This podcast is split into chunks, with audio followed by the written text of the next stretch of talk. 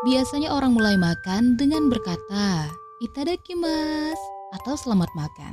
Tapi di Tomoe Gakuen, sebelum makan semuanya bernyanyi. Kepala sekolah adalah seorang pemusik. Dia menciptakan satu lagu khusus berjudul lagu untuk dinyanyikan sebelum makan siang.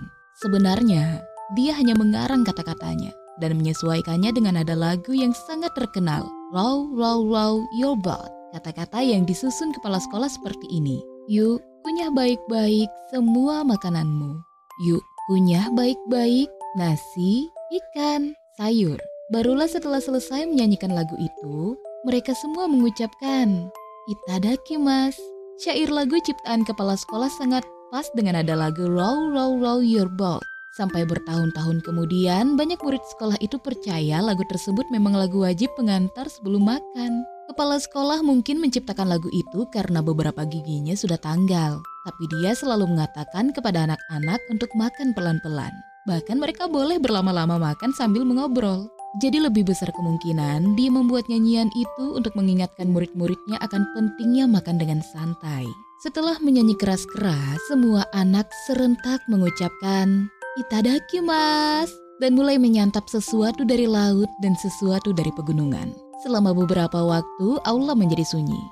Setelah makan siang, Toto-chan bermain di halaman sekolah bersama anak-anak lain sebelum kembali ke kelas tempat guru mereka sudah menunggu. Kalian semua telah bekerja keras pagi ini, kata guru. Apa yang ingin kalian lakukan sore ini? Sebelum Toto-chan sempat berpikir tentang apa yang ingin dilakukannya, terdengar jawaban serentak. Jalan-jalan. Baik, kata guru. Anak-anak langsung berlarian ke pintu lalu keluar.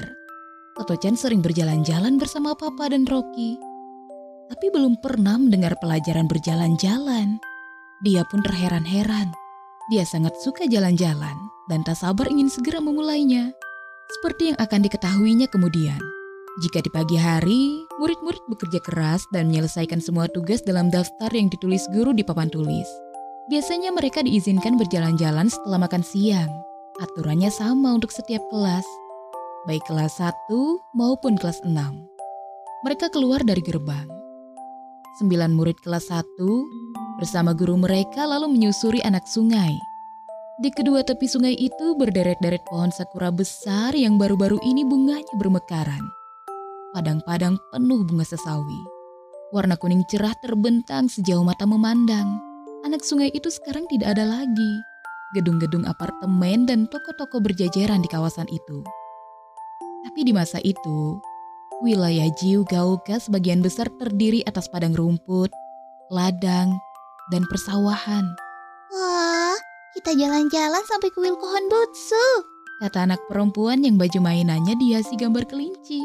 Anak itu bernama Sako-chan. Terakhir kali ke sana, kami melihat ular di dekat kolam, kata Sako-chan. Ada sumur tua di halaman kuil. Kata orang, dulu ada bintang jatuh ke dalamnya. Anak-anak mengobrol tentang apa saja yang mereka suka sambil berjalan-jalan. Langit biru cerah, udara dihiasi kupu-kupu berterbangan. Setelah berjalan-jalan kira-kira 10 menit, guru berhenti. Dia menunjuk beberapa kuntum bunga berwarna kuning dan berkata, Lihat bunga sesawi itu. Kalian tahu mengapa bunga-bunga mekar? Dia menjelaskan tentang putik dan benang sari. Sementara anak-anak berjongkok di pinggir jalan dan mengamati bunga-bunga itu. Guru menjelaskan bagaimana kupu-kupu membantu bunga-bunga menyerbukan benang sari ke putik. Memang, semua kupu-kupu itu tampak sibuk membantu bunga-bunga. Kemudian guru berjalan lagi. Anak-anak berhenti mengamati bunga lalu berdiri. Seseorang berkata, Ternyata benang sari tidak mirip benang ya. Tato Chen juga berpendapat begitu. Tapi seperti anak-anak lain, ia yakin kutik dan benang sari sangat penting. Setelah berjalan lagi kira-kira 10 menit, tampak taman dengan pohon-pohon yang tumbuh rapat. Taman itu mengelilingi kuil Kuhan Butsu. Ketika mereka memasuki taman itu, anak-anak menyebar ke berbagai arah. Hei, hei, mau lihat sumur berisi bintang jatuh? Tanya Sako-chan. Tentu saja Toto-chan mau. Ia langsung berlari mengikuti kawannya itu. Sumur itu tampaknya terbuat dari batu. Pinggirnya setinggi dada mereka. Tutupnya dari kayu. Mereka mengangkat tutup sumur lalu melongok ke bawah. Gelap sekali di dalamnya. Tapi Toto-chan bisa melihat sesuatu teronggok seperti batu.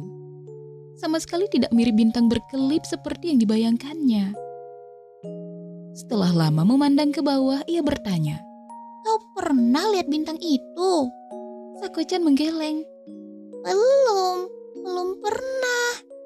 Sako-chan heran kenapa bintang itu tidak bersinar. Setelah berpikir sebentar, ia berkata, Oh, mungkin dia sedang tidur.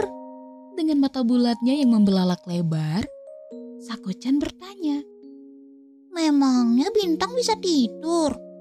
Kurasa mereka harus tidur di siang hari, lalu bangun dan bersinar di malam hari. Kata Toto-chan cepat-cepat karena sebenarnya ia tidak yakin. Kemudian anak-anak berkumpul dan berjalan-jalan mengelilingi halaman kuil. Mereka tertawa melihat perut telanjang dua Raja Dewa yang berdiri di kanan kiri gerbang, menjaga kuil. Dengan takjub, mereka memandang patung Buddha di ruang utama yang agak gelap. Mereka mencocokkan kaki mereka ke jejak besar pada batu yang konon adalah jejak kaki Tengu, jin berhidung panjang. Mereka berjalan-jalan mengelilingi kolam sambil meneriakan "Halo" kepada orang-orang yang sedang berperahu. Mereka main engklek sepuas-puasnya dengan keping-keping pualam hitam yang diambil dari makam. Semua serba baru bagi Toto-chan. Dan dia menyambut setiap hal baru dengan teriakan-teriakan riang. Baiklah, waktunya kembali ke sekolah. Kata guru ketika matahari mulai turun. Anak-anak berjalan kembali ke sekolah. Menyusuri jalan yang diapit deretan pohon sakura dan ladang-ladang penuh bunga sesawi. Anak-anak itu tak menyadari bahwa sambil berjalan-jalan, yang bagi mereka seperti acara bebas dan main-main, sebenarnya mereka mendapat pelajaran berharga tentang sains, sejarah, dan biologi. Toto-chan sudah berkenalan dan berkawan dengan semua anak di kelasnya. Ia merasa seperti sudah lama mengenal mereka. Besok kita jalan-jalan lagi ya. Teriaknya kepada mereka semua dalam perjalanan kembali ke sekolah. Ya, setuju. Sahut anak-anak lain sambil melompat-lompat. Kupu-kupu masih sibuk mondar-mandir melakukan kegiatannya. Kicau burung-burung memenuhi angkasa. Dada Toto-chan serasa penuh dengan kegembiraan.